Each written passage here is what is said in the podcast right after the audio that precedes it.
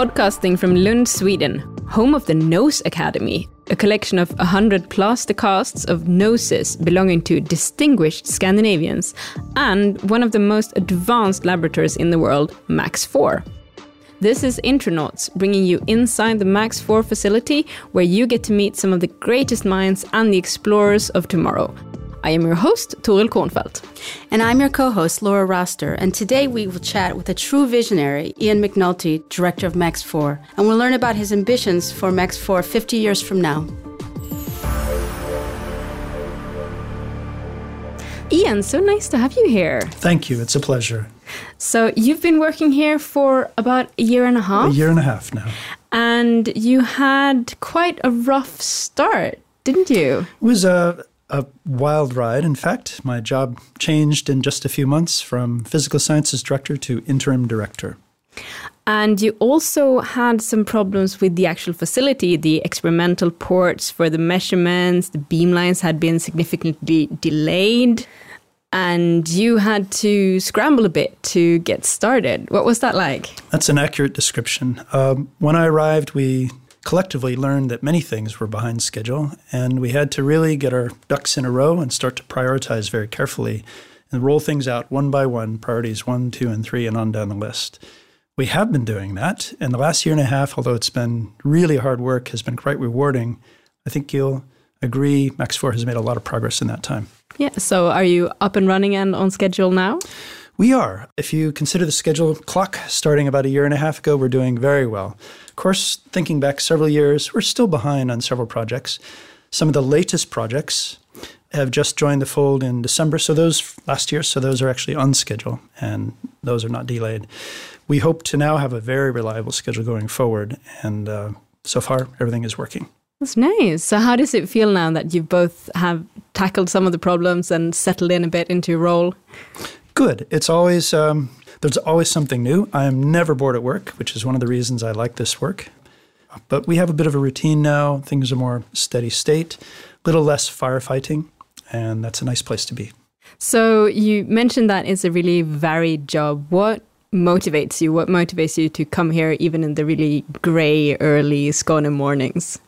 So the thing that drew me here and still drives me every morning, every evening is Sweden has taken a very bold step to plan a very visionary facility, Max 4, building on 30 years of experience with Max Lab to what now is the current synchrotron radiation uh, research facility it is.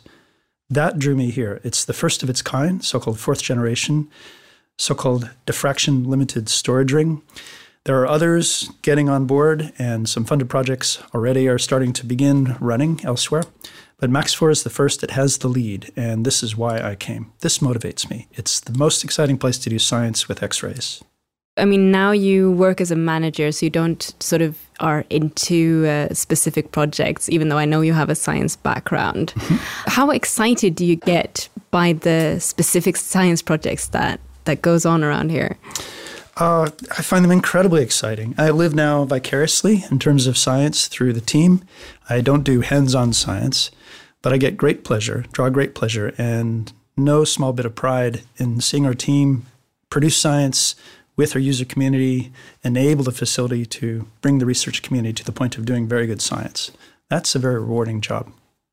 And when you think about the contribution to society with uh, Max 4, how do you imagine that the message is, is spreading about our work? So, as you may know, Max 4 is involved in, in a very diverse portfolio of research from healthcare to environment to climate change to energy science, material science, lighter, faster, quicker communicating materials. These are all things which, although they're at the fundamental research and basic research level, will lead to applications in many regards that will benefit society. And there's one thing I've been really wondering when we've hmm. been here, we've been talking to a lot of different people who work here and the hmm. scientists. Mm. So basically, Max 4 is this big piece of equipment. Mm-hmm. And scientists from all over the world can come here and use this piece of equipment for their research. So, how do you choose who gets to use the facility? That's a great question. Perhaps a good analogy would be uh, uh, the Keck telescope or one of the big astronomical laboratories. You have essentially one instrument or one with a few different bells and whistles. And we have a peer reviewed system which allows people to, enables people to submit proposals. They lay out their case for doing good science with this facility. It's ranked by peers who hopefully are doing this objectively and consider the absolute quality of these proposals for science. And the best ones get time. So, how many questions or how many proposals do you get in? Another good question. Just in the last two six month periods during which we accept proposals, rank them, and allocate time at the facility for them, over 200 for each six month period. So, about 450 in 2019 alone. And how many get chosen? Much less than that, about one third. About one third. Yep. So, how much time do you get? Like, do you get like, can I have a month, or do you get like, yes, you can get two hours on the mm. afternoon of Tuesday, November third, or? This depends widely on the science. Some experiments will run in just a few minutes, but typically a few hours at the fastest for a measurement, and then you go away with your sample and your data. Others might take a week or even two weeks. But it is also pretty common for experimenters to come once, twice, three times in a year to do successive measurements.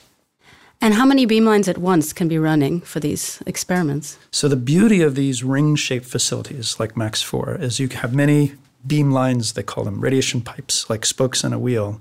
Currently, we have 16 funded projects. We have plans in store for another two to three. We can have up to 28, maybe 26 to 28 maximum on the two rings at Max 4.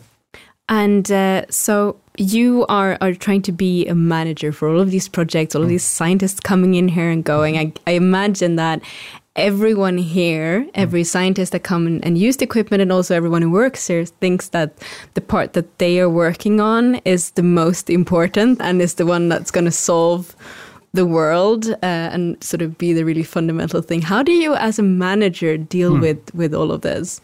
You're very astute. Um, that's often what happens.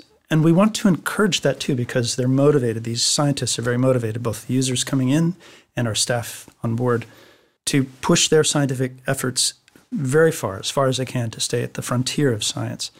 But at the same time, and I think this is really my role, is to set a vision, look at the big picture, and help our team, as well as the user community, secondarily, understand where should this laboratory go as a whole what is the best science to focus on? What can Max 4 do uniquely and best? And not try to compete with other facilities that might do other things better. So, as far as looking at the future, mm. if we look at the near future, say a decade or so, how do you imagine these light from X4? How can it be used to solve some of these bigger challenges, these global challenges that we hear about quite often in the media, for example, for medicine or for environment or for energy uh, issues? So, already underway, but you will see, I almost can guarantee you, I won't say 100%, but it's very, very likely. You'll see the outgrowth and the results of work going on now in battery science newer, lighter, more recyclable batteries that carry more stored energy Imagine laptops, for example, that you charge up for an hour and they stay charged for an entire year. You don't have to recharge your phone or your laptop every day. This is one kind of result that can come out of this basic research here at Max 4. Healthcare is perhaps even a bigger area, medicine and healthcare. You may know well that a third to a half of the scientific output of these synchrotron facilities, like Max 4, is in structural biology, learning the structure of protein molecules, enzymes, binding sites, and so on which can benefit the pharmacological industry, the drug industry, and therefore medicine and healthcare. And uh, you mentioned earlier that there are um, other labs that, that do mm. interesting things as well. Just quite next to us, mm. basically, just a few hundred meters away, there's uh, another facility being built, the ESS. And mm. I think a lot of people looking at these two labs, the ESS and the Max 4, would go like, aren't they the same thing? Aren't they doing the same thing? It's a good question. Um, in many ways, they are the same. They're both user facilities in the sense that their primary jobs to serve the research community, to enable the community, Sweden first, the rest of the world second, to do groundbreaking research, in this case with X rays at Max 4, but at ESS with neutrons. The big difference is neutrons are very good for looking at the lowest weight, lowest density kinds of matter hydrogen, water, plastics, things like that. X rays are better for looking at the heavier elements, the more dense materials in metals, iron on, on up, and so on. There's a lot of overlap. These are not exclusive. Some of the same things can be done at both facilities, but what they provide is complementary information, often about the same kinds of materials or biological cells or systems that you might be interested in. So, do you see in the future a lot of the scientists coming to Sweden doing projects both here and at the ESS at Very the same so. time? Yes, indeed. In fact, we envision perhaps a common portal for submitting proposals that might involve an experiment at ESS with neutrons and one at MAX 4 with X rays, perhaps on the same visit of a week or two that some user team, some research team comes here to Skåne to do the work. You mentioned some of your thoughts about the, the science that will be developed here. Hmm. How do you see the facility evolving in the future? Where do you think Max 4 will be in, in say, start with 10 years? Because of this amazing ability for this type of facility to serve 25, 30 experiments simultaneously, you can expect to see rapid growth in the number of experiments that are carried out, results that go into publications, and from that, a smaller fraction, yes, but some of those that really go into things that really benefit society. So right now, I mentioned we have had about uh, uh, 450 proposals. We have about 700 users who are engaged in writing these proposals just in 2019, last calendar year. But I expect that number fully within two three years to be close to 2,000 users. And annually, we expect to see that many cycling through the facility and delivering science. The scientific papers that come out, although the details may be very technical and uninteresting to many people, show that because they've been reviewed by peers, other scientists around the world who consider them to be credible, underlies the credibility of the science that comes out of the facility. And the number of those scientific papers that come out, which could lead to real applications, will also grow. We can expect perhaps 500 papers a year out of Max 4 by 2022, 2023. And as far as the, the structural growth or potential of Max 4, how do you see that in the near future? Currently, we have 16 funded beamlines, I mentioned. We can grow to about 26, so we have room for 10, maybe 12 more. Right now, we have to make sure that we can deliver all the planned capabilities and operate what we have as fully as possible to exploit the full potential of the facility. But because the planning for new beamlines, new projects for more experiments at MAX4 takes a few years, and the delivery and construction of these also takes even more years, five to six, we should also be allocating some time to plan for that. So we're doing that. We have a vision for developing, building out the rest of Max 4 to really extract the full capability of this considerable investment. So we've already learned uh, in this podcast that all of the beamlines are different. They can they can answer different types of question. They can investigate the world in different ways. So, what kind of beamlines would you like to develop in the future? What do you think you're missing right now? Hmm, very good question. So, one thing we've had an eye on for some time, and our medical community, just here in Sweden, but also worldwide, is quite interested, would be a medical imaging beamline, one that can be used to study not full size human medical subjects, uh, probably just up to the size of mice or maybe inanimate things also, which are of medical interest, like bone structures or materials for prostheses. But systems up to something like a cubic centimeter in size, where we want to know the 3D structure without having to cut them open. So it's a kind of medical 3D imaging, but at the micro scale. Microtomography is the methodology. This is a beamline which we know would be very heavily used and produce great science and really have direct impact on things like understanding of the structure of teeth, bone, um, heart muscle, and so on.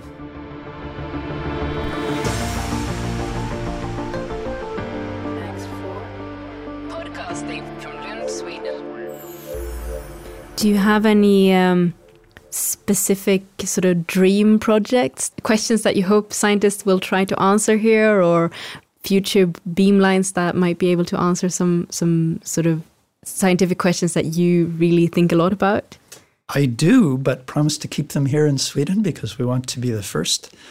Um, one of those areas which has me very excited, it's very long range, is an area that people may have been hearing about known as quantum materials and quantum sensing. Max 4 is very good at producing what's called coherent light, where all the X ray waves come in step, like soldiers marching in formation. And if you want to study the smallest structures and the most least size changes in the state of matter at the quantum scale, you need coherent light. That's really the, the proper tool to have. We can do that better than anybody else right now. What can these be used for? If you, again you want to build electronics that use extremely little power or communicate in completely unhackable ways, quantum technology, quantum computing based on quantum materials and systems does look like the most exciting avenue. So we've been talking about sort of a 10 year time mm-hmm. frame. Mm-hmm. Looking a bit further into the future, where do you think Max 4 will be in, say, 50 years? 50 years. That gives me a chance to really dream. Currently, right now, we have two rings and a linear accelerator that serves those rings.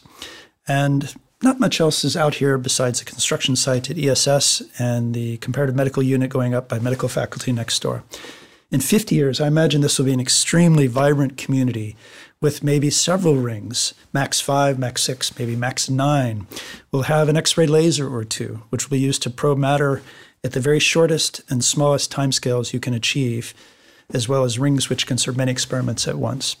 This community will serve the scientific interests and technological interests of Sweden across a variety of areas again, healthcare, medicine, climate, and energy. And we'll, be, we'll look back on this time and think, wow, that was so cute. It was so quaint what we were doing in 2020. And now we're onto the real problems, and we've made huge strides in solving these challenges. Yeah, you've you've touched upon it, but what kind of global challenges and, and what kind of global solutions do you think that Max 4 can sort of contribute to, to solving or making the world a better place? Well, let me give you some specifics. Um, as we know, just in the last few weeks, novel coronavirus is a scourge that has a lot of people worried. It's spreading rapidly. We already know the structure. We have a bit of understanding about its infectious progress. What we don't know is what can be done to treat it or cure it. Understanding that structure and what systems can attack it, what systems can disable the virus, are directly things that Max 4 and facilities like Max 4 could contribute to. So that's a current issue of current concern. But attacking disease on many levels um, is something, again, Max 4 could make a big difference in. Another example could be uh, type 1 diabetes. We know uh, systems, this disease involves mishandling of insulin. We know the structure of insulin, it's been around for um, some 60 years, that structure, but we don't know yet how to cure the disease. We can only treat it. That would be a wonderful thing. It's a grand challenge, but it's something, again, Max 4 could treat or work on. One of the things that I find really, really fascinating mm-hmm. with Max 4 is the fact that you have all of these scientists coming in from different part of the world working with very different projects, but then sitting sort of next to each other up in mm. the in the mm. fika room in the dining area. And I imagine there's a lot of area for sort of synergies and new new sort of development just by people meeting. Do you do anything specific or special to sort of facilitate those sort of informal meetings between scientists?